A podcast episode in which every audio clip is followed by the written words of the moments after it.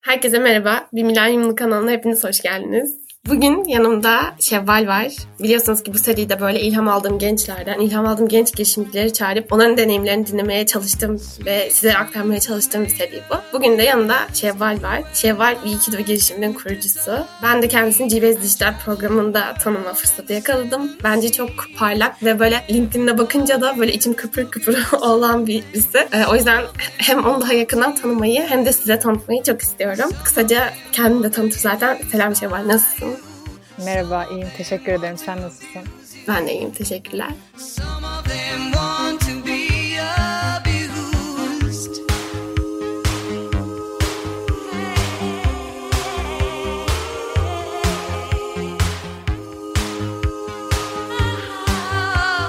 Ben böyle çok kısa anlattım. İstersen sen böyle kısaca kendini tanıtarak başla. Ondan sonra devam ederiz. Tabii. Ben Başkent Üniversitesi'nde İngilizce işletme okuyorum. Son sınıf öğrencisiyim şu anda. 23 yaşındayım. Wikido'nun kurucularından birisiyim ben. Bu ikinci girişimcilik deneyimim. Daha önce bir tane başarısız girişimim olmuştu. Böyle kısaca özet geçsem yeterli mi acaba şu an için? yeterli tabii. Okudun okulu ve bölümü nasıl seçtiğini merak ediyorum ben. Çünkü hitap ettiğim kitle böyle Z kuşağı gençleri. Üniversiteye yeni başlayacak olanlar da dinleyebilir. O yüzden şey merak ediyorum hani okul seçmedeki metrikleri nelerdi gibi gibi bunlardan biraz bahsedebilirsen güzel olur. Tabii. Benim okul seçme sürecim birazcık tuhaftı açıkçası. Çünkü ben daha önce Türk Hava Kurumu'nda mekatronik mühendisliğini kazanmıştım. Ve bir haftalık bir okul maceram oldu. Sonrasında eşyalarımı toplayıp geri döndüm ve ben dedim ki ben okumak istemiyorum bu bölümde. Sonra tabii ailem uzun bir süre trip attı. İşte neden geldin, neden böyle yaptın falan diye. Tekrar hazırlandım sonra. Başkent Üniversitesi'ni kazandım. İngilizce işletmeyi tam burslu olarak kazandım. Benim açıkçası seçme metriğim birazcık daha kendimi geliştirmek istediğim alandı. Böyle çok eğitimin içinde birisi olamadım eğitim hayatım boyunca. Açıkçası çok böyle okulu seviyordum.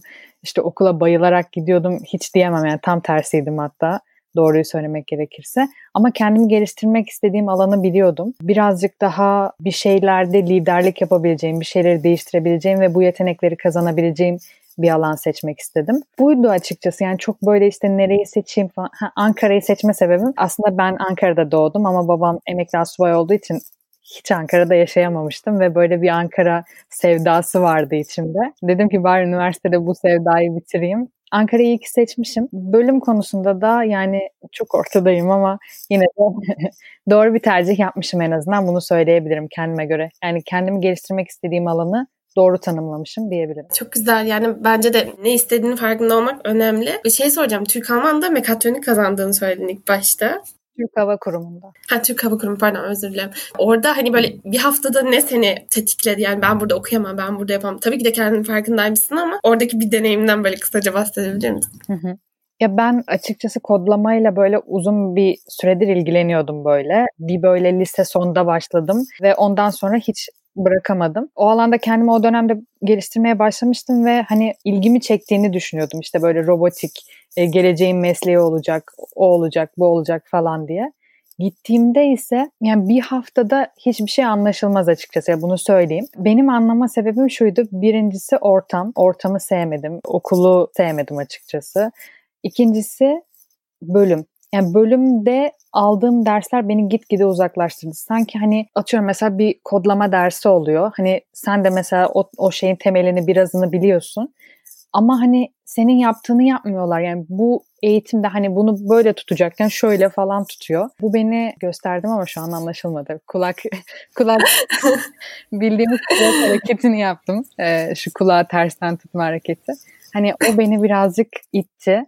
Bir de her şey üst üste gelince ve kendimi geliştirmek istediğim alanın bu olmadığını biraz daha anlayınca yani bu bölümde istediğimi alamayacağımı anlayınca bıraktım. Bence çok radikal ve böyle güzel bir karar olmuş. Biraz önce Wikido girişiminiz olduğundan bahsettin. Daha önce de bir girişimcilik maceran olduğundan bahsetmiştin. Hazır bunlardan bahsetmişken okul harici neler yapıyorsun? Yer aldığın topluluklar, kulüpler, işte bu girişimcilik deneyimlerinden biraz bahsedebilirsen çok sevinirim en baştan başlayayım. Üniversitenin en başından ISEC'le başladım ben açıkçası. İlk deneyimim oydu. Hatta şöyle oldu. Ben mesela Ankara'ya geldiğimde en başta çok mutsuzdum. Çünkü işte benim en yakın arkadaşım İstanbul'u kazanmıştı. Orada okuyordu. Ben Ankara'daydım. ortama alışamadım falan böyle çok kendimi dışlanmış hissetmiştim. Sonra o da bana Ayse'yi yönlendirdi. İşte böyle bir şey varmış bir denesem mi falan dedi. Gittim ve gerçekten e, çok keyifli bir tecrübe oldu benim için. Çok fazla şey öğrendim oradan ve o açıkçası birazcık yolumu açtı. İşte ISE'yi duydum. ISEC'te mesela girişimcilik tarzları koordinatörü olmuştum. Oradan girişimciliğin içine girdim. İşte teknokentlerle anlaşmalar yapıyorduk. Girişimlerle anlaşmalar yapıyorduk. Orada böyle deneyim kazanma fırsatım oldu. Sonrasında ODTÜ'nün ARGE topluluğunda tasarımcı olarak çalışmaya başladım. Post tasarımı, tişört tasarımı, tasarımla alakalı oradaki aklınıza gelebilecek şeyleri yapıyordum. Oradan da bağlantılı olarak bir arkadaşım sayesinde Turkishwin'le tanıştım. En büyük şanslarımdan birisi gerçekten oydu. Turkishwin bana inanılmaz bir network sağladı. Orada alumni komitesindeyim şu an. Alumni komitesi lideriyim. Daha böyle Turkishwin alumnileriyle muhatap olduğumuz, işte onlarla etkinlikler düzenlediğimiz bir yer. Turkish Wind'deki network'üm sayesinde de işte çeşitli yerlere böyle çeşitli başka topluluklara girme fırsatım oldu. Arya Gence dahil oldum bu sene. Kendi topluluğumu kurdum sonra çünkü okulda bir topluluk eksiği vardı bana göre. Başkent Arge topluluğunu kurduk. Onun altında da Turkish Wind uzantısı olan Başkent Women in Business'ı kurduk. İkisi de böyle tam pandemiye denk geldi ama pandemide de böyle birkaç güzel etkinlik yaptık. O da keyifliydi. En son geleceğin kadın liderlerine seçilmiştim işte bu sene. O süreçte çok keyifliydi. Gerçekten böyle dolu dolu dört gün eğitimler, oradaki ortam. Girişimcilik kısmına gelirsek dediğim gibi ISEC'le tanıştım biraz daha girişimcilikle ama hep ilgim vardı ya. Hep böyle şey diyordum. Ya ben şöyle düşünüyorum açıkçası. Herkesi bir duvarın tuğlası olarak düşünüyorum. Bana göre benim duvarımın tuğlasının nasıl göründüğü veya kendisinin ne kadar parladığı falan değil de hani o duvarın tuğlasının koyulduğu yerden sonra ne inşa ettiği önemli biraz daha. Duvarı sağlam bir yere koymak istiyordum. Bir farklılık işte eksik gördüğüm bir alanda işte eğitimde, sürdürülebilirlikte artık neyse. Ve işte yavaş yavaş girişimciliğe böyle merak saldım. Araştırmaya başladım. Arkadaşımla kurduk ilk girişimimi. Çok yakın bir arkadaşımla. İstanbul'daki arkadaşımla. Birazcık daha işe alımlardaki adaletsizliklere odaklanıyorduk aslında. İşte HR süreçleriyle yapay zekayı nasıl birleştirebiliriz ki bu adaletsizlik sıfıra iner vesaire diye. Ama takım içi yani onunla değil de sonradan bizim kurduğumuz takım içi sorunlardan vesaire nedeniyle biz ayrılmak zorunda kaldık. Sonra ben Hamdi Ulukaya girişimine katıldım. Oraya da sürdürülebilirlik üzerine bir projeye katılmıştım. Sürdürülebilir moda çok ilgimi çekiyor. Onunla alakalı bir proje geliştirmiştim. Ondan sonra da Wikido işte. Isaac'in hani ne olduğunu bilmeyenler olabilir. Ben böyle bizim okuldaki kulüpten falan biraz biliyorum ama onu böyle kısaca açıklayabilirsen güzel olur. Tabii. ISEC aslında değişim koordine eden bir öğrenci topluluğu gibi. Dünyanın en büyük öğrenci topluluğu. Gönüllü deneyimler, staj deneyimleri uzun ve kısa dönem olmak üzere size bunları sunuyor. Onun çerçevesinde onun anlaşması olduğu şirketlerle ya da onun anlaşması olduğu ülkelerle açılan projelerle birlikte değişime gidebildiğiniz bir kurum ISEC. Ama ISEC şubelerinde gönüllü olan öğrenciler işte bu değişimleri koordine ediyorlar. Yurt dışından Türkiye'ye gelecek öğrenciler için proje geliştiriyorlar. Bu proje yapabilecekleri STK'ları buluyorlar staj yapabilecekleri şirketleri buluyorlar gibi gibi. Tasarımla ilgili bir deneyimin olduğundan bahsettin. Orada peki tasarımı biliyor muydun? Nasıl başladın? Çünkü böyle biraz bu altyapı gerektiren bir şey ya. Hani insanlar ah deyip başlayamıyor işte hani ya ben yapamam tasarım ya da kodlama için. Hani biraz böyle emek gerektiren bir şeymiş gibi. Sen nasıl başladın? Ya aslında bir yerden başlamak gerekiyor bence. Hani her şey emek gerektirecek. Yani şu anda baktığımızda aslında böyle birkaç sene önce herkesin yapabildiği dijital pazarlamada bile parlamak için artık çok fazla metrik var gibi gibi. O yüzden her şey emek gerektirecek. Başladıktan sonra ben tasarıma Photoshop'la ilgileniyordum. ISEC'te tişört tasarlayarak başladım. İlk girdiğim takımın tişörtünün falan tasarlanmasına yardımcı olmuştum böyle. İlgimi çekti açıkçası. Sonra kendimi geliştirmeye başladım. Biraz da böyle görsel olarak bir şeylerin nasıl neyle yakıştığını falan hani böyle çok okuyan, çok araştıran birisiydim. Öyle öyle kendi kendimi geliştirdim. Sonra başvurduktan sonra işte baktılar, olumlu oldu. Orada da böyle çok güzel bir sene geçirdim. Böyle. Bence süper olmuş ve tam olarak şeye işaret ettin. Hani girişimci kası denilen bir şey var ya. Her şey zor aslında. Yapmaya başlamak lazım. Hı hı. Girişimcilikte de öyle yani. O yüzden bence güzel bir şey işaret ettin. Ve ben senin o okuduğun şeyleri uygulayabildiğini düşünüyorum. Çünkü ben sunumlarını gördüm ve sen hazırladın diye biliyorum. Bence çok güzel sunumlardı. Ben de böyle biraz şekilciyim diyebilirim bu hani tasarım konusunda. Güzel bir şeyler olsun istiyorum. O yüzden beğendim seninkileri. Eline sağlık. Teşekkür ederim. Üniversite topluluklarında yer aldığından bahsettiğin kulüplerde, üniversite dışı farklı topluluklarda yer alıp onları okula entegre ettiğinden falan bahsettin. Bunlar çok güzel deneyimler zaten. Bunun dışında peki böyle staj deneyimlerin hani okuldaki zorunlu staj deneyimlerin de olur bu arada. Gönüllü yaptığın şeyler de olur. Onlardan biraz bahsedebilirsen güzel olur. Hı hı. Ben en baştan beri böyle dediğim gibi her şeyi deneyeyim, neyi yapmak istemediğimi bulayım. Ondan sonra kalanlarla ortak bir şey yaparım kafasındaydım biraz. O yüzden ilk seneden beri staj yapıyorum. Birinci sınıfta böyle zorla her yere başvurdum beni alsınlar diye. Ama her yere yani YouTube'da, LinkedIn'de, kariyer.net'te ne açılırsa ben kesin başvurmuşumdur. Yani başka bir seçeneği yok. Ama neredeyse kimse almadı. Çünkü birinci sınıfsın ve hani ne yapabilir falan kafasında oluyorlar. E-girişim ama olumlu dönüş yapmıştı bana. Yeah. evet ilk orada başladım. Orada içerik üreterek ve işte orada biraz daha ekosistemi tanıyarak başladım. İlk stajım öyle başladı. Sonra Mana diye bir sosyal girişimde bir staj deneyimim oldu. Orada da işte sosyal medya ve SEO gibi sosyal pazarlama yani dijital pazarlama ve sosyal paz- medya pazarlaması üzerine bir deneyimim oldu. Sonra Jotform'a girdim ben. Jotform'da da aynı şekilde dijital pazarlama üzerine SEO alanında direkt orada staj yaptım. BSH'la bir deneyimim oldu. Bu proje öğrencisi durumları falan. Ondan sonra da bu ara tatilde yani geçtiğimiz ara tatilde bir muhasebecinin yanında gönüllü olarak staj yapmak istedim. Çünkü okul derslerinde en uzak olduğum şey muhasebeydi gerçekten ve ihtiyacım var bilmem gerek çünkü girişimdeki en önemli şeylerden birisi gelir gider yani. Hatta en önemli şey ayakta kalabilmesi için. Ama ben böyle çok iğreti oluyorum derste bile ve anladım ki ben acilen muhasebeyle ilgilenecek bir çalışma arkadaşı bulmam gerekiyormuş. Çünkü stajım gerçekten çok bana çileydi yani bir ay sürdü ama gitmeyeyim diye böyle sebep arıyordum yani hasta mı olsam falan diye böyle. Ee, ama anlamış oldum o alanın da bana uygun olmadığını. Bunun haricinde stajlarım galiba böyle.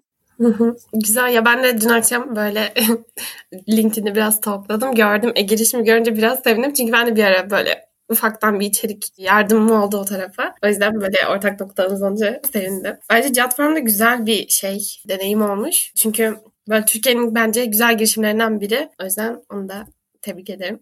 Evet. Ve tabii bir sürü deneyimin olmuş onlar. Yani hani say say bitmedi zaten böyle. Sayıyorsun sayıyorsun. Harika bence. Peki şey soracağım. Bu kadar çok yer gördün. Bu kadar çok yerde staj yaptın. Toplulukta bulundun. Bir sürü görev almışsın. Kendi girişimini kurmada seni tetikleyen faktör neydi yani? Yani en başta girişimlerde staj yaptıkça böyle o şeyi çok beğendim. Ya herkesin böyle oraya bağlanmasını, oraya harcadığı emeği, böyle saatlerce çalışmak falan benim hiç böyle şeyimi rahatsız etmedi yani. Çalışalım ya sabaha kadar ama böyle bir şeyler öğrenelim yani hep birlikte bir şeyler öğrenelim. Yani o girişim batsa da biz bir şeyler öğrenmiş olalım ve bir deneyim olarak kalsın. Ve en başta bahsettiğim gibi açıkçası bir etki yaratabilmek, bir farklılık yapabilmek istiyordum eksik gördüğüm alana yani ufacık da olsa bir değişiklik katabilmek istiyordum. O beni birazcık gitti. Yani en başta onunla başladı. Sonra her şey böyle zincirleme geldi.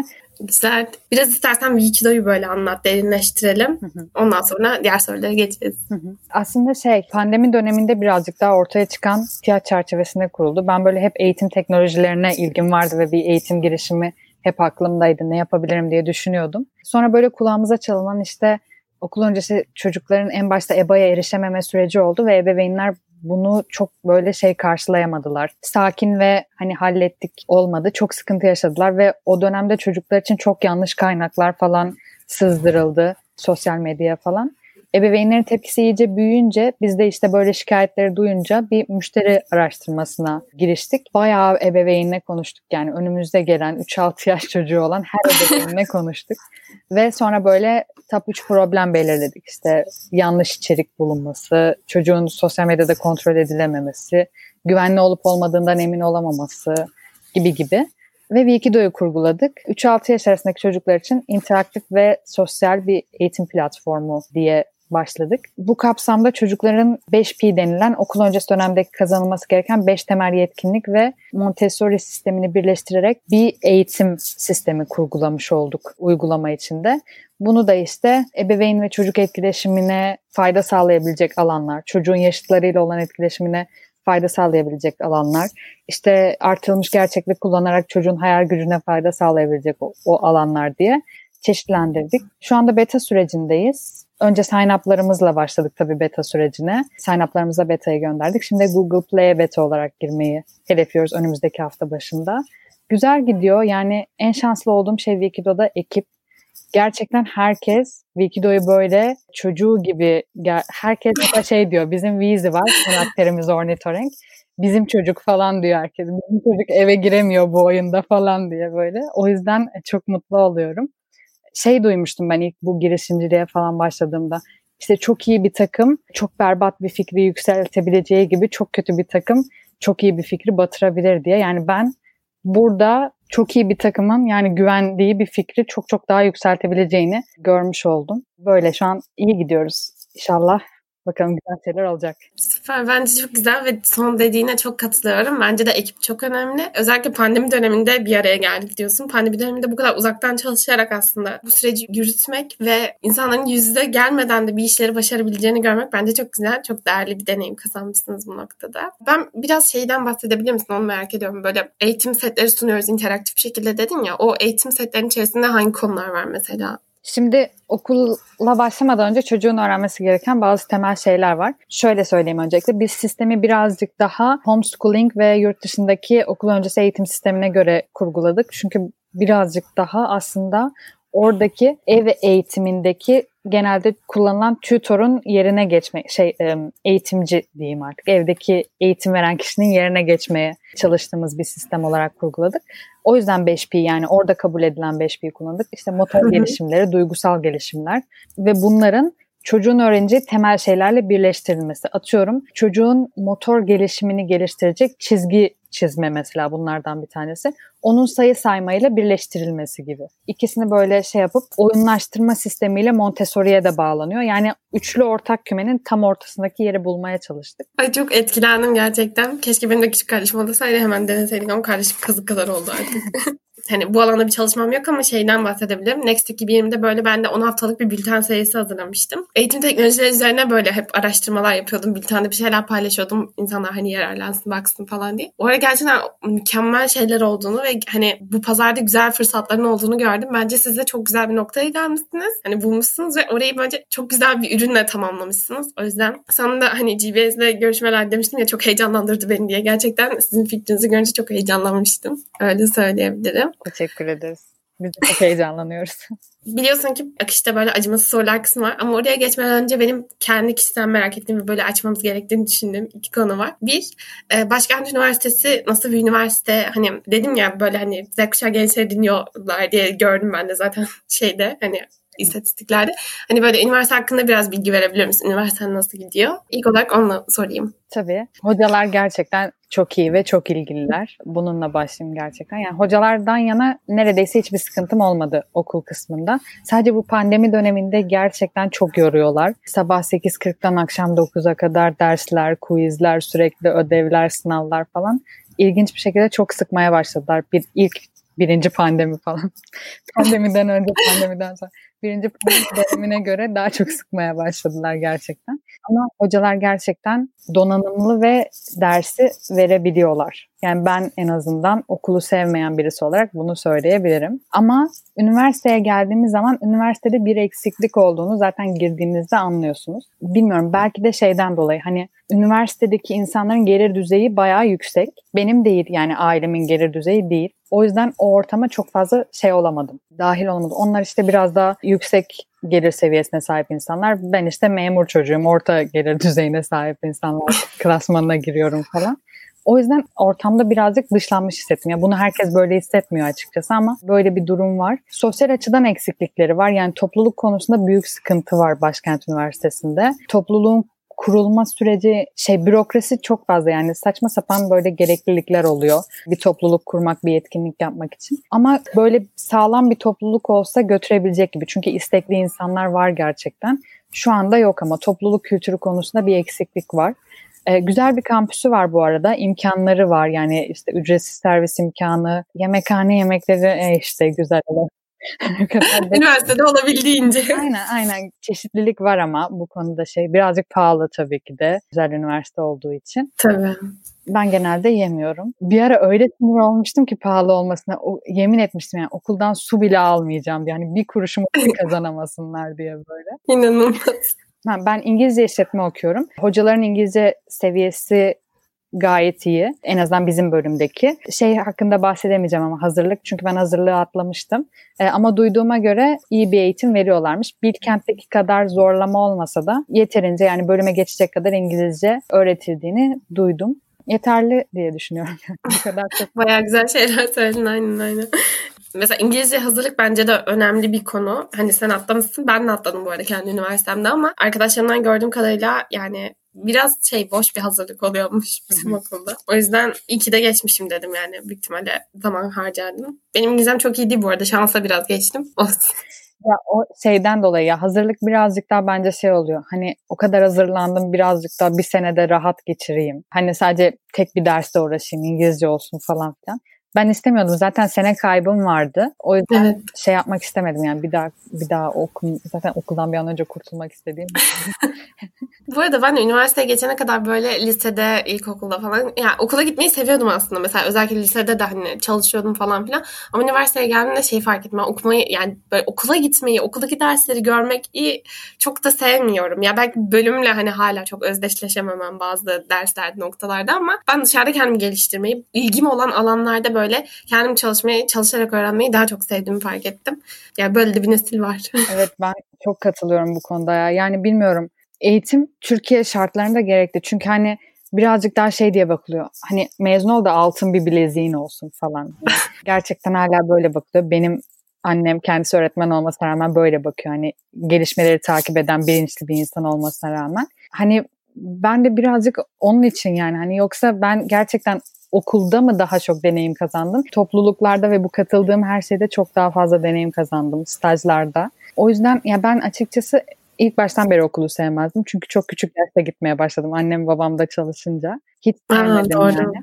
Ve uzun bir süre tenis oynadım ben. O yüzden hiç aklımda şey yoktu ben tenisçi olacağım falan kafasındaydım. Çok iyi. O yüzden sonradan böyle birden düşünce şey okulun iyice ortamına zorlandım ama ortam için yani kendine bir şeyler katmak için ya okul olmasa mesela bunları nereden duyacaktım diye düşünüyorum. Üniversitede olmasın işte bu toplulukları, bu yarışmaları falan. O kısımdan iyi ama ben kendimce şöyle bir kafadayım. Okulda normal bir seviyede derslere girip çıkmak, işte öğrenebileceğini öğrenmek, alabileceğini almak ama onun yanında hiçbir şekilde boş durmayıp kendini geliştirmek, kendine eğitimlerle katıldığın şeylerle geliştirmek bence gerçekten donanımlı bireyler yetişmesi için formül bu yani. Başka bir şey değil. Ben de katılıyorum sana ve şey de çok doğru. Yani üniversite sana bir bakış açısı ve bir sosyal ortam katıyor cidden. Dediğin gibi o şekilde böyle kulüplere giriyorsun. Kulübe girdiğin bir insandan bir şey alıyorsun. Başka bir yere katılıyorsun falan. Sana başka kapılar açabiliyor. O anlamda üniversite bakış açısı ve sosyal ortam kazandırma noktasında gerçekten başarılı. iyi kurum. Ama işte içerisinde kendi geliştirmek artık biraz sana kalıyor. Ben de burslar bölümünde biraz bundan böyle bahsetmiştim ve yakarmıştım bu konuyla ilgili. Gerçekten de hani Mesela burslarda da işte ortalamanın çok yüksek olmasını bekliyorlar sana burs vermek için ama yarın bir gün nitelikli gençler olmamız için üniversite zamanlarında böyle şeyleri deneyimlememiz lazım. O yüzden bence artık o büyük kurumların biraz daha bunlara yönelik seçimler yapması gerektiğini ya da üniversitelerdeki derslerin de buna dönüşmeye başlaması gerektiğini düşünüyorum. Umarım en kısa zamanda bizim gibi bilinçli gençler buraların başına gelir ve sistem biraz daha olsun değişir. Gerçekten öyle ya. Büyük şirketler bile aynı kafada yani hala. Ki global şirketlerden bahsediyoruz işte yok ortalaması olsun o olsun bu olsun. Ama hani bakmıyor mesela ortalaması olan birisi eğer sadece ders çalıştıysa pratikte hiçbir şey bilmiyordur yani. Hani bu aslında çok düz mantık. Neden anlamadıklarını gerçekten hala anlamıyorum yani. Ben anlamıyorum. Ben bir eğitime katılıyorum. Sıfırdan Global Akademi diye bir eğitime katılıyorum. Orada da böyle elini kirletenler diye bir şey var. Yaptığı projeleri insanlar anlatıyorlar. Ben de işte podcast'inden bahsetmiştim geçen hafta. Bu hafta konuk olan gelen çocuk Düzce'de bir üniversitede okuyor. Mimarlık okuyor falan. Hatta derslerden kalıyor. O yüzden dönemi uzuyor. Yazında diyor ki ben hani dönemimi uzattım hazır. Yani bir şeyler yapayım falan diye AutoCAD'e oraya buraya sarıyor. Böyle çizim programlarına sarıyor. Sonra kendi bir Instagram hesabı oluşturuyor. Böyle çizim mimarisi gibi böyle biraz diyeyim. Ondan sonra ve şu an 618 bin takipçisi falan var. Ve hani bu işten para kazanıyor bildiğin. Yani ya oraya post paylaşması için insanlar ona para veriyor. İşte ne bileyim e-booklar falan satıyor gibi bu şekilde şeyler yapıyor. Yani gerçekten nerede olduğunu, nerede okuduğunun ya da hangi işte puanı aldığının hiçbir önemi yok. O zaman sen kendine geliştirdin ve neler yaptın, neler deneyimledin. Dediğim bence çok çok kritik bir şey. Hani pratikte ne kadar uygulayabiliyorsun. Gerçekten bu çok önemli.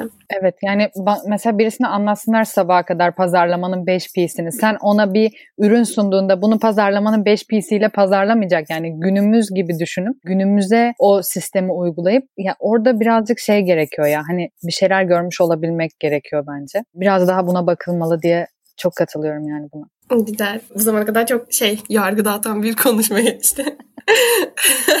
Hazırım bu kadar böyle konuşmuşken biraz da acımasız sorulara geliyorum şey var. Umarım seni terletebilirim.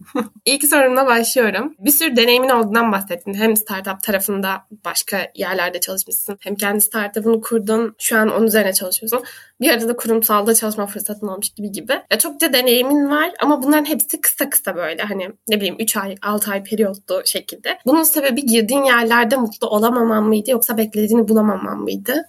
Hı hı. Aslında bazıları mesela zamanlı olduğu için hani onları saymayacağım. Yani kendi böyle isteğimle ayrıldıklarımı söyleyeyim. Isaac mesela kendi isteğimle ayrıldığım yerlerden birisiydi.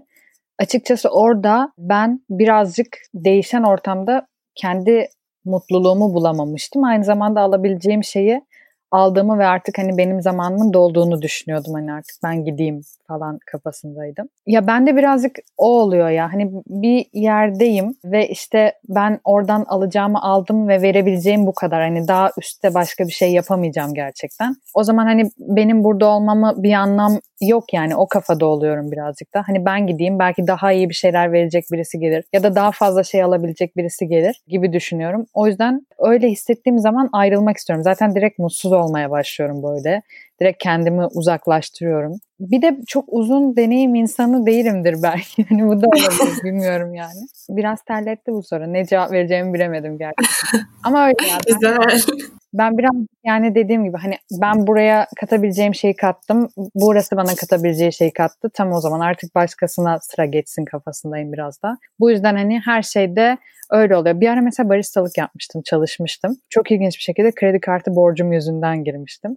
Ee, annemlerin haberi olmadan kredi kartı limitini arttırıp bayağı saçma sapan Star Wars Yoda kılıcı falan almıştım böyle. Onlar için borca girmiştim. Ondan sonra da hani söyleyemedim yani ne diyeceğim. Anne ben kılıç aldım o yüzden bu kadar para gönderme diyecektim yani. o yüzden ben dedim ki bu borcu ödeyeyim. Orada mesela benim için en başta girerken söyledim hani ben bu yüzden giriyorum. Daha önce bir deneyimim yok. Hani burada hani seversem ya da daha fazla bir şey sunabileceğimi düşünürsem kalırım diye. Onlar da beni kabul etmişlerdi. Normalde mesela 3 ay çalışacaktım ama orada böyle 5 ay gibi bir süre kaldım. Sonra dedim ki hani ben daha fazla burada kalmak istemiyorum. Hem de yaz tatil de geliyor. Birazcık erken çıkayım ki onlar da bir, yeni birisini bulabilsinler falan filan diye. Hani birazcık daha böyle düşünüyorum galiba. Ben burada tamamım, burası bende tamam o zaman gitme vaktidir diye. Aynı şey girişimim için de geçerli. Mesela böyle bir şey hissedersem gerçekten derim ki hani ben burada kendi kurdum. Mesela Wikido bir yerlere geldi ve hani ben mesela hala orada işte kurucu ve o şey dediğimiz böyle genel yönetim konusuyla ilgileniyorum. Ve şey diyebilirsem hani tamam burası benim getirebileceğim yere kadar geldi ve şu an benim bakış açım bunu daha ileri götüremiyor. O zaman ben gideyim ve bunu daha ileri götürebilecek birisi gelsin. Rahatlıkla diyebilirim yani. Ama çok güzel bir cevap verdin. Her ne kadar birazcık terlemiş olsan da bayağı güzel cevap verdin. Ve ben şu ana kadar konuk aldığım kişilere de hani buna benzer sorular sorduğumda hep bu tarz yanıtlar aldım. Bence bu biraz da bizim jenerasyonumuzun koltuk sevdasının olmayışı olabilir. Başka yerlerde başka deneyimler kazanmak da güzel ve dediğine çok katılıyorum. Hani aldığını aldığın, verdiğini verdiğin hani noktada başka birisinin buna yararlanması için yer açmak bence de önemli. Ben de bu şekilde birkaç yerden ayrılmıştım. Ayrılıklar biraz üzücü oluyor ama nihayetinde sana daha güzel kapılar açıyor. Bence çok güzel bir cevap ver. Teşekkür ederim. Ben teşekkür ederim. Diğer soruma geçiyorum. Şu an bir girişimim var. Onun üzerine çalışıyorsun ve hani yayına geçmeden önce de konuştuk konuştuğumuz üzere hani akşamlara kadar çalışıyorsunuz. Belki sabahlara kadar. Bunun yanında bir de okula gidiyorsun ve okulunda yoğun geçiyor. Hani bir de burslu olduğun için diyorsun çok çalışmam gerekiyor gibi gibi şeyler. Bu kadar çok işle meşgulsün. Bir de aynı zamanda aile topluluğunda da varsın. Eminim başka topluluklarda da varsındır. Yani mesela Hamdi Ulukaya katıldın orada da hala topluluğun içerisindesindir diye düşünüyorum. Farklı toplulukların içerisindesin. Farklı işler yapıyorsun. Bu kadar çok işle meşgul olmanın kişisel gelişimi negatif etkilediğini düşünüyor musun? Hangi konularda negatif etkilediğini düşünüyorsun? Bunu merak ediyorum. Birincisi bu kadar çok yerde olabilmek için gerçekten aşırı bir şekilde plan yapmam gerekiyor. Yani noktası noktasına plan yapmam gerekiyor. Her pazar mesela oturup bildiğin sabah oturuyorum pazarları ve noktamı planlıyorum. Bana mesela birisi buluşacaksak pazar gününden yazması gerekiyor. Şevval çarşamba günü buluşacağız ben, ben de ona göre koyuyorum. Çünkü işte girişimde toplantılar zaten çok yoğun. Ondan sonra ben Turkish Wind'de varım, Arya'da varım, Simurg var mesela Simurg Derneği'nde varım orada çalışıyorum şu anda. Ve okul var bunun yanında derslerimi planlıyorum. Bunların toplantılarını planlıyorum. Bizim mentor görüşmelerimiz oluyor. Ayrıca görüşmelerimiz oluyor. İşte mesela beta sürecinde direkt sign-up'larla birebir de böyle işte oynuyor mesela kişi. Ondan sonra onunla görüşüyoruz işte nasıl bir deneyimdi falan filan diye. Bunların hepsini aşırı planlamam gerekiyor. Bu da bana birazcık rahatlık konusunda şey veriyor. Yani hani bazen böyle şey yapamıyorum bugün de kalkıp gideyim diyemiyorum mesela. Hani bugün bu işlerim var ve bunları yapmam lazım. Ama cuma günüm boş, cuma günü gidebileceğim gibi oluyor birazcık daha. Kişisel gelişimim yönünden takip ettiğim mesela hala kurslar ve öğrenmek istediğim şeyler var. Onları aksatmıyorum. Fransızca öğreniyorum mesela şu anda. Asla aksatmıyorum. Yani onun için sürekli programda bir yer ayırıyorum. Ama sosyal hayatımı etkilemiyor desem yalan olur. Bir sosyal hayatım pek yok. ya zaten şu an pandemiden dolayı pek olamıyor. Aynen. Ama öncesinde de mesela yani sürecin öncesinde de pandeminin öncesinde de bu şeyler benim daha önceliğimdi ve birazcık daha özellikle şeyden sonra fark ettikten sonra bu sosyal hayatımın elimden kayıp gittiğini sosyal hayatımı şey, şeyle buradaki hayatımla birleştirmeye çalıştım. Yani sosyal çevremi daha buradan kurmaya çalıştım. Öyle biraz dengeliyorum. Ama benim için en şeyi sosyal hayatımın gerçekten çok şey oluyor olması böyle azalıyor. Hani önceliklerim bunlar çünkü ve bunlar olmalı. Ailemle mesela eskiden daha fazla zaman geçirdim. Şimdi o kadar zaman geçiremiyorum falan. Ama olsun yani bunların şeyi kafatlandırılacak Yarınlarda mutlu olacağım şeyler. aynen aynen. Ya bunlar da şey olacak. Her şey bir ayına oturunca yani birazcık daha düzenlenince ben de alışınca daha okul bitince mesela acayip mutlu birisi olacağım. Öyle. Bence çok güzel bir cevaptı. Yani pazar günü oturuyorum ve haftamı planlıyorum da ben çok vurucu bir şey. Yani deli gibi bir zaman yönetimim var aslında Hı-hı. arka planda. Bence bu çok kıymetli bir yetkinlik aynı zamanda. Yani çünkü diyorlar ya işte kurumsala girince şey böyle çok yoğun gidiyorsun işte toplantıların oluyor işte sabah 8 akşam 6 hiç hani sosyal hayatına zamanı kalmıyor gibi. Ama aslında girişimcilikte bu daha daha fazla eksiklik oluyor ve sen bunu çok güzel bir şekilde özetledin yani. Gerçekten öyle ya. Sen mesela öncesinde konuşurken sana dedik yani 5'e kadar e, dün mesela onun muhabbetini yapıyoruz. Bizim çocuk bizi uyutmuyor 4-5 gündür falan diyor böyle. Ama çok güzel bir deneyim ya. Bilmiyorum hani o zamana kadar çalışmak ve böyle mesela emek veriyorsun ya sonra o bir şey yapıyor. Ben kreşe gittiğimde mesela bir çocuk oyunu beğeniyor. Allah'ım diyorum ya Rabbim. Sanki böyle ya. çocuğu müsamereye çıkan aileler oluyor. Böyle her şeyi çekerler falan. Burada ben öyle oluyorum. Çok güzel. Peki şey ben bunu meraktan soruyorum bu arada. Dedim ya denetiyoruz bazen sonra geri dönüşlerini topluyoruz insanların. Bunu ebeveynlerle yaptığınızı zaten düşünüyorum. Çocuklardan da geri dönüş alıyor musunuz? Oradaki konuşmalar nasıl gidiyor? Evet evet alıyoruz ve çok komik şeyler çıkıyor. Mesela bir şekli öğretmek için çok düşündük. Böyle günlerce şey düşündük. Üçgen oyuncak. Yani üçgen oyuncak düşünüyorsun ve üçgen oyuncak bulamadık. Yani internette falan arıyoruz. üçgen oyuncaklar saçma sapan şeyler çıkıyor. Yani yeni nesil oyuncaklar. Hani herkesin bir şey çıkmıyor. Ondan sonra biz de uçurtmayı üçgen yaptık. Çocuğun birisi oynarken dün şey dedi. Yalnız bu uçmaz. Böyle. Dedim ki neden uçmaz? Çünkü benim babam böyle yapmıyor. Çok iyi. Çok eğlenceli şeyler çıkıyor. Yani aslında onlardan, ya ebeveynden çok ondan aldığımız geri bildirimle dönüş yapıyoruz. Mesela hem işte objenin üstüne basması hem de butona basması gerekiyor geçmek için.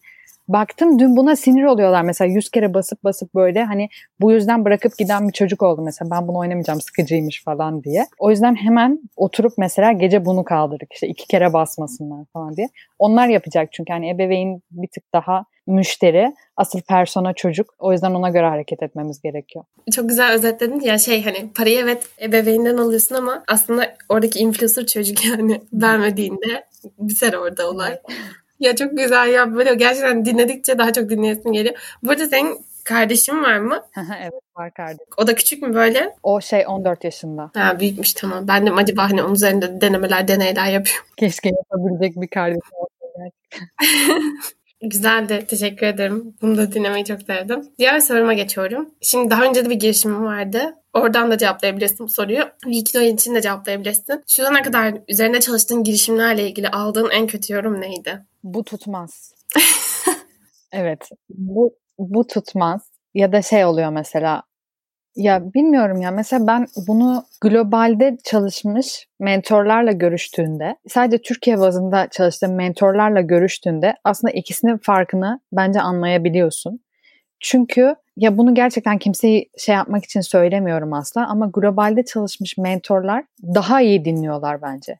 Türkiye bazında çalışmış mentorlar daha az dinliyorlar bence. Çünkü cevaplıyorsun mesela sonra onu tekrar bilmiyorum soru sormak için mi artık ya da hani seni böyle açıktan vurayım falan diye mi düşünüyor? Tekrar tekrar soruyorlar. O yüzden globaldeki mentorlarda mesela daha bu yorumlar şey oluyor. Hani sen bunu yaptın ama hani ben farklılaşacağın yeri tam olarak anlayamadım. Biraz daha detay verir misin?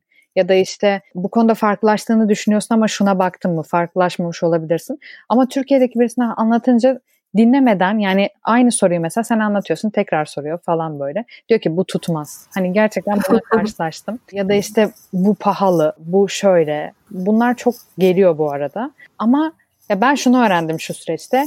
Her feedback doğru feedback değildir. Herkesi dinle. İnsanlar şöyle zannediyor olabilirler.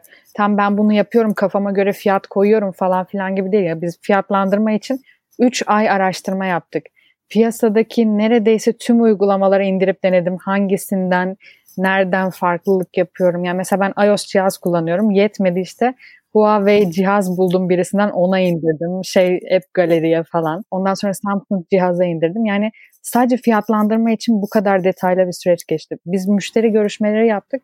217 kişiyle ben tek tek görüştüm. Ki bunun öncesinde işte şeyi oluyor. Biz üç aşamalı yaptık. Önce bir form gönderip kim doğru personamız onu bulduk.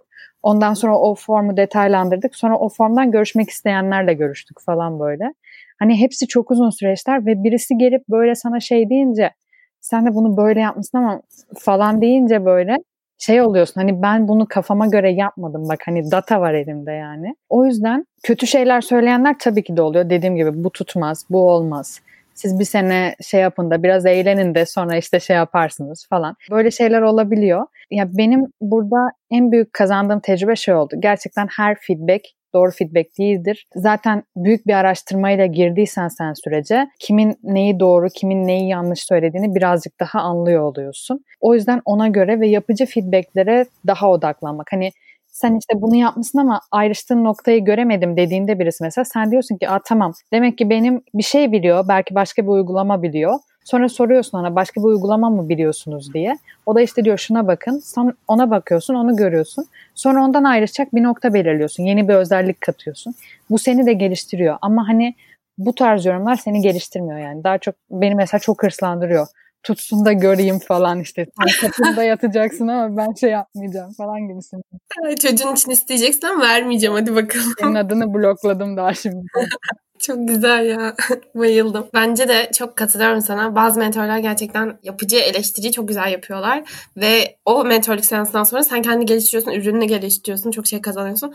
Bazıları da bu iş olmaz. Sen takıl ya. Yani hobi sanki. Hani sanki hobi olarak yapıyormuşsun gibi. Gitar çalıyormuşsun gibi davranıyorlar cidden. O yüzden saçma. Son soruma geliyorum. Son acımasız soruma. Şu an hala okuyorsun ve bir yandan girişimini de devam ettiriyorsun. Benim merak ettiğim şey girişimcilik senin için bir öğrencilik hevesi mi? Yoksa daha sonra da yine bu alanda çalışacak mısın? Gerçi biraz bunu cevapladın aslında. Hani kurumsalda böyle böyle deneyimlerim oldu diye ama detaylandırmasını bu soruda yapalım istedim.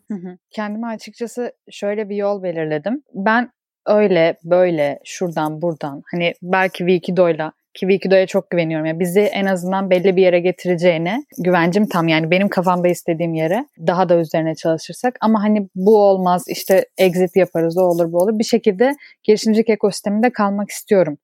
Ama hayatın gerçekleri olarak maalesef ki kapitalist bir sistemde yaşıyoruz ve işte benim de bir süre sonra para kazanmam vesaire gerekecek. O zaman da bana göre bir tık daha böyle değişime ve işte hani benim girişimcilik deneyimine katkı sağlamamı sağlayacak olan yer akademisyenlik. Hani denerim, uzun bir süre denerim ama hani böyle olursa da akademisyenliğe girerim. Hani o birazcık daha böyle benim ekmek kapım olur ama girişimciliği asla bırakmam. Gerçekten kendimi yaşıyor gibi hissediyorum çünkü o heyecan ve o koşuşturmaca beni çok tatmin ediyor yani. Başka hiçbir şeyde olmadığım kadar mutlu oluyorum. Saatlerce çalışmaktan falan psikopat gibi yani böyle hani ne kadar bakıyorsun şey diyorsun bir saatiniz daha varsa şeye bakalım sabah ezanı okunmaya yatalım diyorlar artık. O yüzden seviyorum çok seviyorum ya vazgeçemiyorum yani. Süper ya bayıldım ya. Ben de yani hani sizinki kadar değil sonuçta benim kendi girişimim yok ama hani gerçekten bu alandaki ya mesela üniversite zamanında işte pandemiden önce çok etkinliklere falan gidiyordum. Ya bu etkinliklere gitmek benim için böyle hobiydi ya. Yani insanlar diyor ki Canan yani buna da gitmesem mi acaba? Zaten bildiğin konuşmacılar falan. Yok yani böyle bağımlısı gibi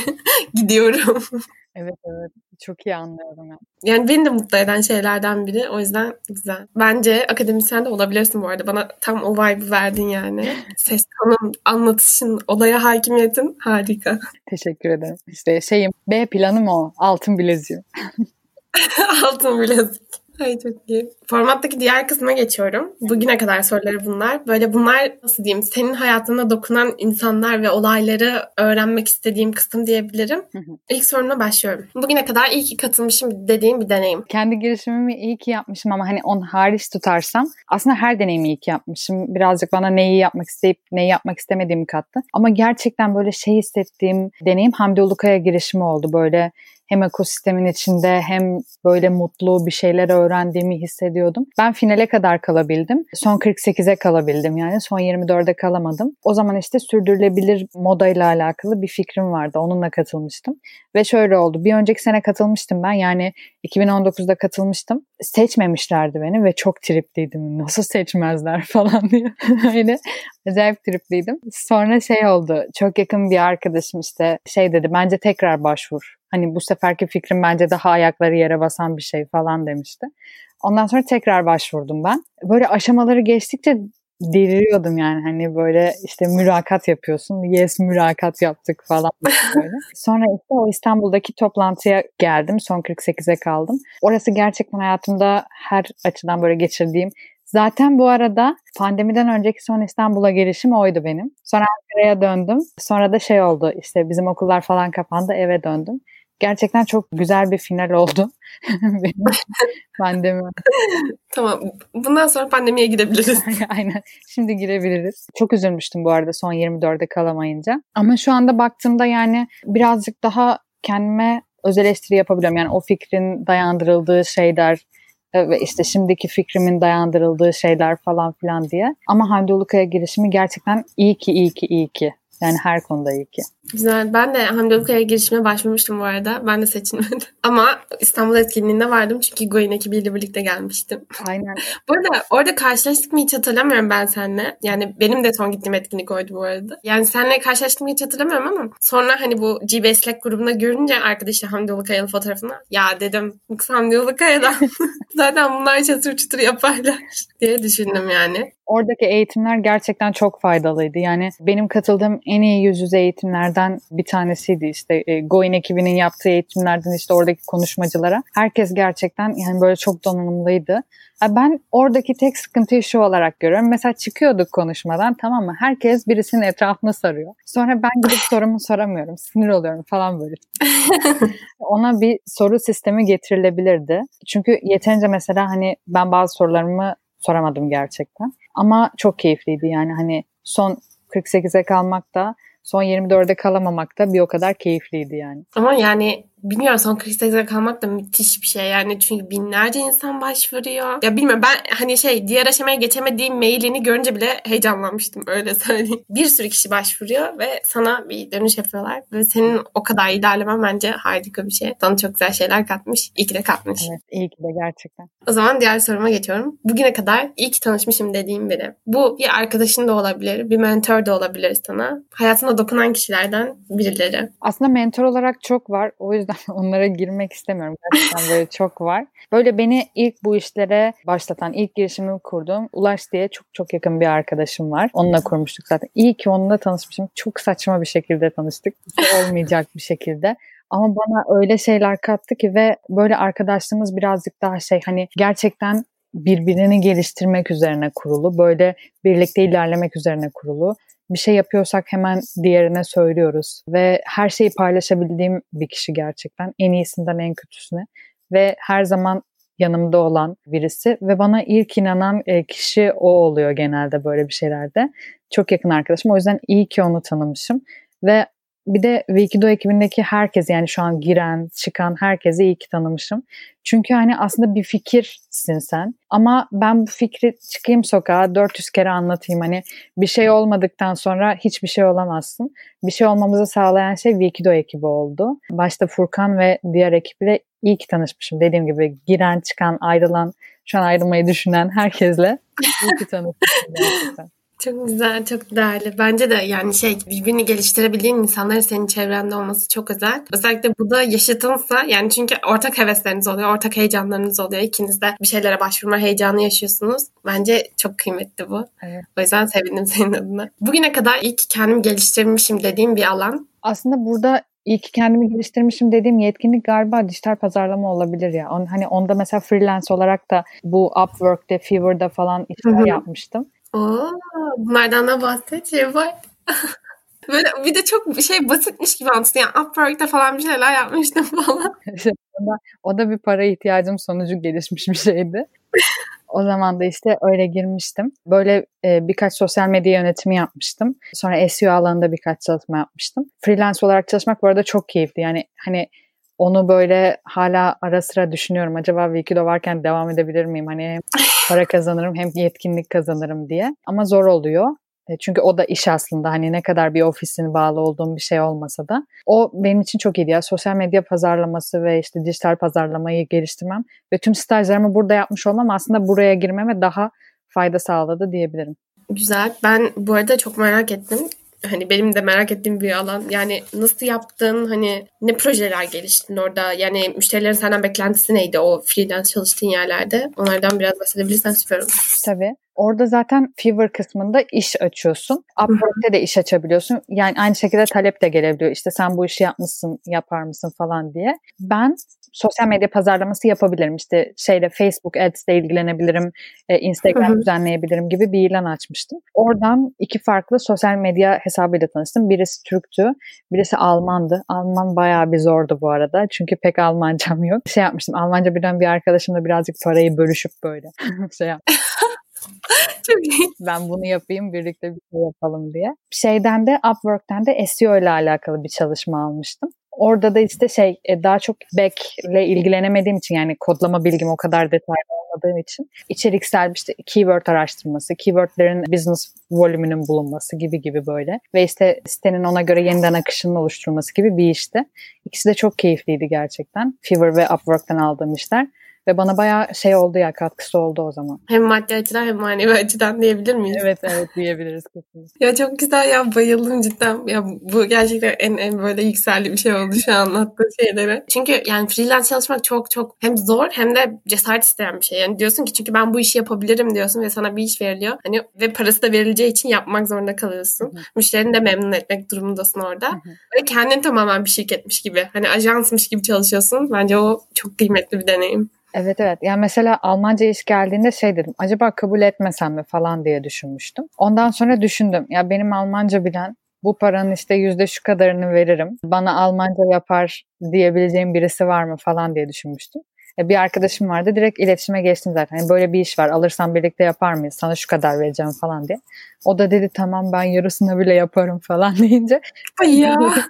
yani öğrenci olunca öyle oluyor. Para gelsin de abi hani fark etmez. 10 lira bile 10 lira oluyor yani. Gider bir simit ayran yersin, sabahını geçirirsin gibi oluyor biraz. Aynen. O yüzden. Ve çok çok güzel bir deneyimmiş. Anlattığın için, burada da bahsettiğin için ve detaylandığın için çok teşekkür ederim. Ne demek ben teşekkür ederim. O zaman hiç hız kaybetmeden böyle biraz yükselmişken hızlı sorulara geçelim. İlk soruna başlıyorum. Spotify mi Netflix mi? Spotify. Müzik her şey. Aynen müzik, podcast. Evet, bir podcast. Aynen bir podcast. Podcast dinlemeyi seviyorum ya. Bir de hani Netflix'e alternatifleri var açıkçası. Aslında Spotify'ın da var ama bilmiyorum Spotify'a daha çok alıştım belki de ben. Netflix'ten daha çok. Aynen aynen. Ya Spotify cidden ben de hani yani ne zaman ilk başladım burada listeler oluşturmaya yani dinlemeye falan hiç hatırlamıyorum ama yani sanki hayatım yani ben doğduğumdan beri Spotify varmış ve ben doğduğumdan beri burada çalma listesi oluşturuyormuşum gibi. Evet mesela ben bazen Netflix üyeliğimi kapatıyorum bazı aylar ama Spotify üyeliğimi hiç kapatmıyorum yani. yani bu yüzden de Spotify. Harika. Ya ben de Netflix'i bazen kapatmak istiyorum çünkü izleyemediğim yani dediğin gibi senin de yoğun olduğun benim de yoğun olduğum zamanlar oluyor. O yüzden kapatmak istiyorum ama arkadaşlarımla ortak girdiğim için kapatamıyorum. Biraz şey olur gibisinden hani kazıklarım gibisinden olur. O yüzden neyse. Instagram mı Twitter mı? Instagram. Yani Twitter benim için biraz daha böyle politik, isyankar bir yer. o yüzden orayı daha çok o amaçla kullandığım için Instagram daha böyle benim alanım, daha samimi. Aslında Twitter'da daha samimi paylaşımlar yapıyorum ama orasının biraz uçu açık. O yüzden Instagram böyle toparlı falan o yüzden orayı daha çok seviyorum. Peki şey de var mıdır hani bunu söylemende? Ulaşmak istediğin kitleye Instagram'dan daha hızlı ulaşmanın da böyle bir etkisi var mı? evet. Yani aslında şey olarak değil ya ben, benim kişisel hesabım yani benim birazcık eğlence alanım. Hani ne istersem onu yapıyorum açıkçası. Ama hani Wikido falan açısından bakarsak gerçekten yani Twitter'da mesela ne kadar işte hashtag onu bunu kasarsak kasalım orada aslında belli bir kitle var ve belli bir şeye hitap ediyor birazcık daha hani şekillenmiş bana göre. Ama Instagram'da hani çekebiliyorsun yani insanın ilgisini çekebiliyorsun. içeriklerine merak uyandırabiliyorsun. E, o yüzden Instagram daha şey bana göre iyi kullanım. Evet evet ben de yani eğer çalışabilseydim böyle bir ya da bir girişim kurmak isteseydim büyük ihtimalle Instagram'da çalışmak isterdim yani. Çünkü gerçekten insanın her türlü ilgisini çekiyor. Evet. Görsellikten dolayı. Tamam o zaman diğer soruma geçiyorum. Sabah çalışmak mı akşam mı? Gece çalışmak. Yani ben aslında pek sabah insanı değilimdir. Yani sabah derslerine ve sabah toplantılarına kalkıyorum şu an ama birazcık şeyden dolayı zorunluluk e, gece çalışmayı çok severim ama yani ben çok geç kalkmam mesela. Böyle maksimum 11'de falan kalkarım. Ama sabah 6'ya 7'ye kadar çalışırım yani. Hiç böyle şey yapmam yatayım falan. Geceleri daha sessiz sakin oluyor ya böyle. Bir de benim zihnim daha açık oluyor nedense. O yüzden gece çalışmayı daha çok seviyorum. Güzel ya bazı insanların dediğin gibi gece zihinleri daha açık oluyor. Bazılarının sabah daha iyi oluyor. Ama gece insanlarını severim. Güzel. Ben her ne kadar çok uyuyakalsam da ya ben çünkü böyle şeyimdir. Olduğum yerde uyurum zaten. Masada da uyuyabilirim bu arada. O yüzden böyle bu kadar saat çalışan insanlara hayran kalıyorum.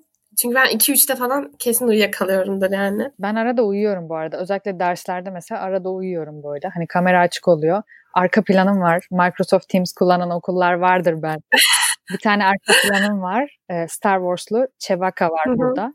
Ben gitsem de o kalıyor yerime böyle ya. Yani benmişim gibi gözükebiliyor. bir olarak algılıyor yani onu. O yüzden ben biraz uyuyorum o duruyor falan. Adımı duyunca uyanmak gibi değişik bir özelliğim var bu arada. Adımı duyunca uyanırım direkt. Hoca bana seslendiğinde direkt kalkıyorum hiçbir şey olmamış gibi falan. O yüzden arada uyuyorum. Ama mesela hiç şey olmadım ya böyle sabah 6'da kalkayım, oraya gideyim, ondan sonra verimli bir gün geçireyim insanı. Ya. Açıkçası. Sabah 7'de uyuyayım, 11'de kalkayım, yemek yiyeyim. Hani spor yapacaksam gider yaparım falan kafasındayım birazcık da. Spor konusunda hiç girmeyelim bu arada. Yani pandemiyle beraber aldığım kiloların hesabı yok. Aşırı katılıyorum. Bizi derbeder etti bu süreçte yani.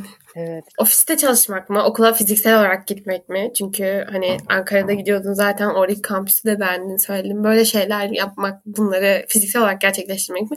Yoksa hepsini evde oturarak halletmek mi online'dan? Fiziksel ama okula fiziksel gitmek değil. Yani hani okula gitmemek.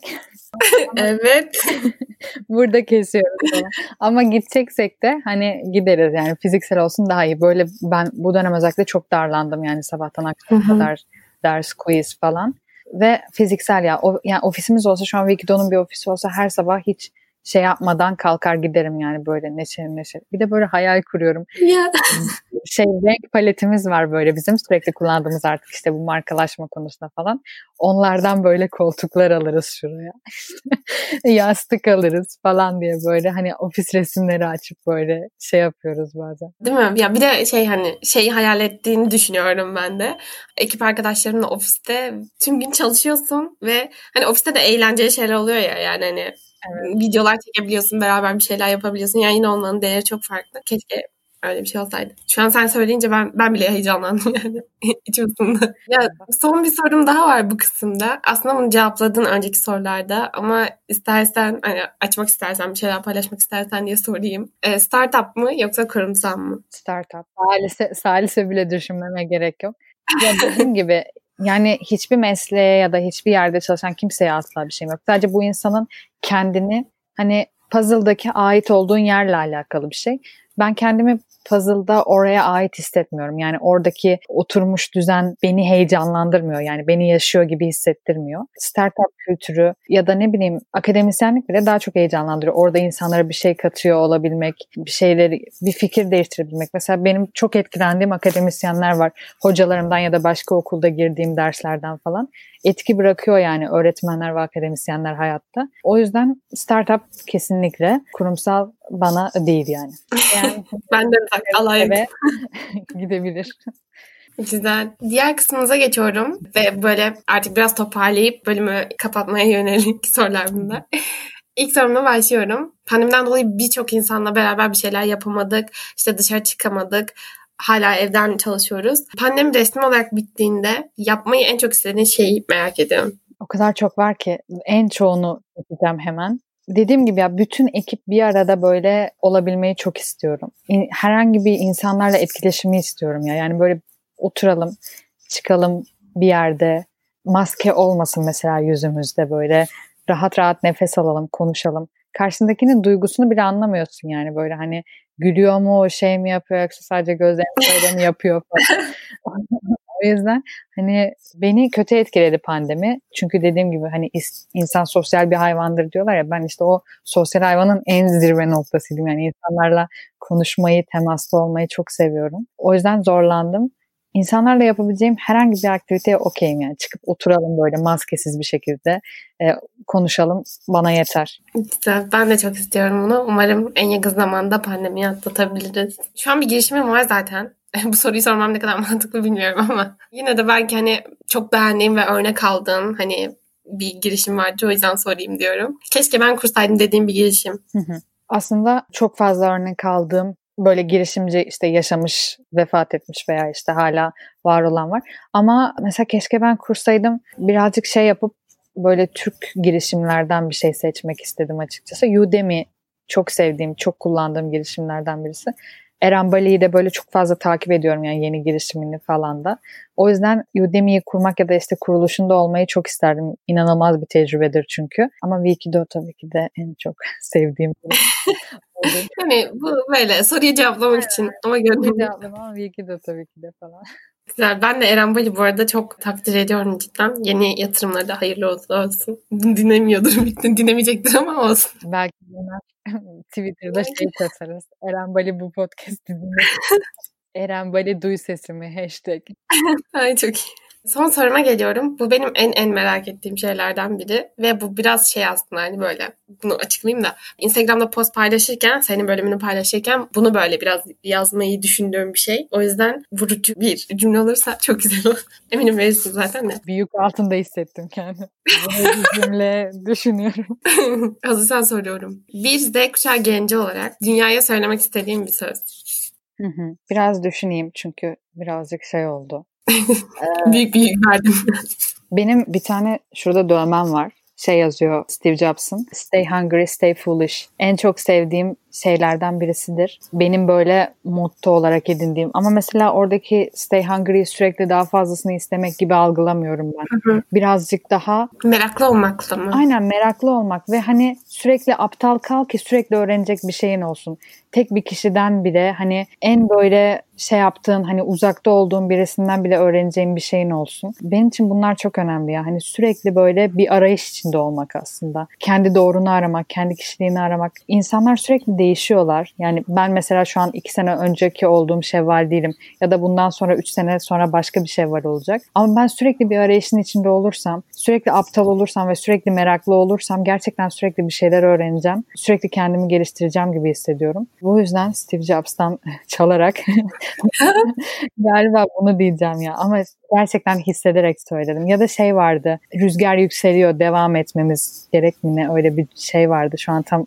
Türkçesini hatırlayamadım ama bir tane filmde de hatta kullanılmıştı bir animede. O yüzden o da olabilir. Yani böyle akışa uyarak sürekli gelişerek devam etmek burayı iyice şey yaptım ben. Saçmalaya saçmalaya bitirdim gerçekten. Hayır hayır bence çok güzel cevaplar. Ben bayıldım ya. Yani ilham alarak dinledim öyle diyeyim. bence çok güzel çünkü bu arada hani dövmen olduğunu bilmiyordum. Böyle bir dövmen oldu yani. İçeriğini de bilmiyordum. Ağzına yüreğine sağlık. Teşekkür ederim. Şey var konuk olduğun için ben çok teşekkür ederim. Yani harika bir sohbetti ve sanki ben senin kanalına konuk olmuşum gibi hissettim. Öyle bir rahatlık, dinginlik.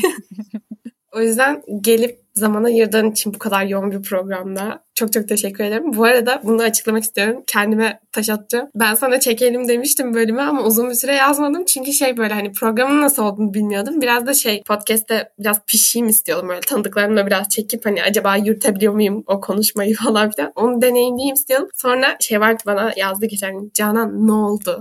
Bizim iş. Yargı dağıttı. Ben de Şevval abla hazırım dedim. Her, her zamanki gibi yine bu bölümde olduğu gibi gelin götüne salladığım Yok ya benim aklımdaydı. Ben dinledim bu arada tüm bölümlerini podcastlerin. Ondan sonra işte geçenlerde diğer çektiğin galiba şeylerle çekmiştin. Arya'dan biri. Evet evet. Onlarla çektiğini gördüm.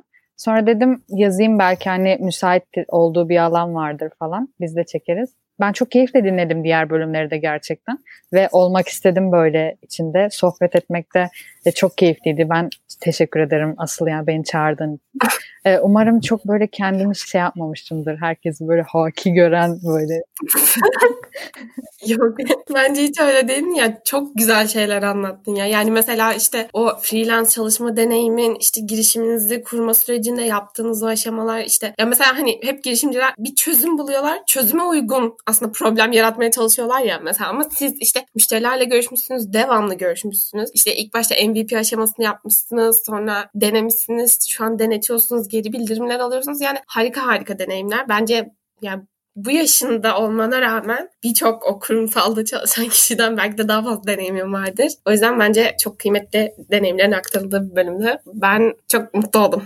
ben de çok mutlu oldum. Ama hani son olarak şunu söyleyeyim. Yani dediğim gibi hani bunlar hepsi benim deneyimlerim ve benim gözlemlerimde. Hani aynı şeyi deneyimlemiş birisi çok farklı şeyler söyleyebilir veya çok farklı şeyler hissedebilir. Ama birazcık şeyim yani açık sözlükle anlatmayı seviyorum. Çünkü hani ben bunu yaşadım ama hani sen başka bir şey yaşayabilirsin gel onu da konuşalım kafasındayım biraz daha. O yüzden umarım çok şey olmamıştır. Böyle çok gömmemeye çalıştım. Normal hayatta daha kötüyüm falan. Bence harika oldu ve dediğin gibi benim de aslında ya bu podcast yapmak istediğim şey hani insanların gelip açık yüreklilikle yaşadığı deneyimler anlatmasıydı. Yani çünkü ben ben de mesela 2000'leyim ve hani ya bize birilerinin bir şeyler yaptığını gösteriyorlar ama bunun nasılını göstermiyorlar. Yani evet bir yere gelen ya bir girişim kurmuş çok başarılı olmuş atıyorum ama arkada bıraktığı kötü şeyler var, kötü deneyimler var. Yani yapmak istediği şeye bulana kadar yapmak istemediği şeyleri öğrendiği kısımlar var. Bunlar çok göz ardı ediliyor. Hep başarıya odaklanılıyor ya. O yüzden bence böyle şeyleri açık yüreklikle anlatmak çok özel. Benim de yapmak istediğim şey buydu. O yüzden her şeyi açık yüreklikle, şeffaflıkla paylaştığın için teşekkür ederim. Ben teşekkür ederim. Gerçekten çok keyifli bir sohbetti. Peki o zaman sana ulaşmak isteyenler Instagram hesabından oralardan ulaşabilirler. Onları biraz böyle hemen reklam yapalım. evet, ürün yerleştirme. Bana e, mail yoluyla da ulaşabilirler. sevvalkoç.wikido.com Kurumsal mailimi de ilk defa burada veriyorum. E, Instagram'dan da ulaşabilirler. Influencer adı gibi yaptığım saçma ismim. E, I am Sevval Koç. Oradan da Wikido'yu takip edebilirsiniz. Wikido app ve Wikido.tr üzerinden. Betamızda zaten yayınlanınca Google Play'den ulaşabiliyor olacaksınız. Teşekkür ederim bu fırsat için tekrar. Ne demek? Reklam her yerde. Her yerde. Metrofak bastırıp gezermiş. Böyle QR kodla okutan insanlar app'i indiriyor. Aynen. Şimdi pandemi olmasa ne güzel kart vizit bastırıp dağıtırdınız. Ay gerçekten ya şey gibi böyle her yere atar. Mahrum kaldınız. ben bana da ulaşmak isterseniz Şevval'le ilgili herhangi bir şey sormak isterseniz ya da hani podcast'le ilgili bir şey sormak isterseniz Bimlen Yumlu Instagram hesabından, Twitter hesabından falan ulaşabilirsiniz. Zaten hem Şevval'in ulaşabileceğiniz linklerini hem de kendi linklerimi aşağıda yani bölümler kısmındaki o açıklamaya koyacağım. O yüzden bize ulaşın eğer ihtiyacınız varsa. Evet. Bir telefon uzaktayım falan. bir mail atabilirsiniz ama kurumsala. Kurumsala lütfen. Bizi dinlediğiniz için, bu bölümü dinlediğiniz için hepinize teşekkürler. Diğer bölümlerde, diğer deneyimlerde görüşmek üzere. Kendinize iyi bakın. Sen de söyleyebilirsin bu arada görüşmek üzere diye. Ben kapattım direkt.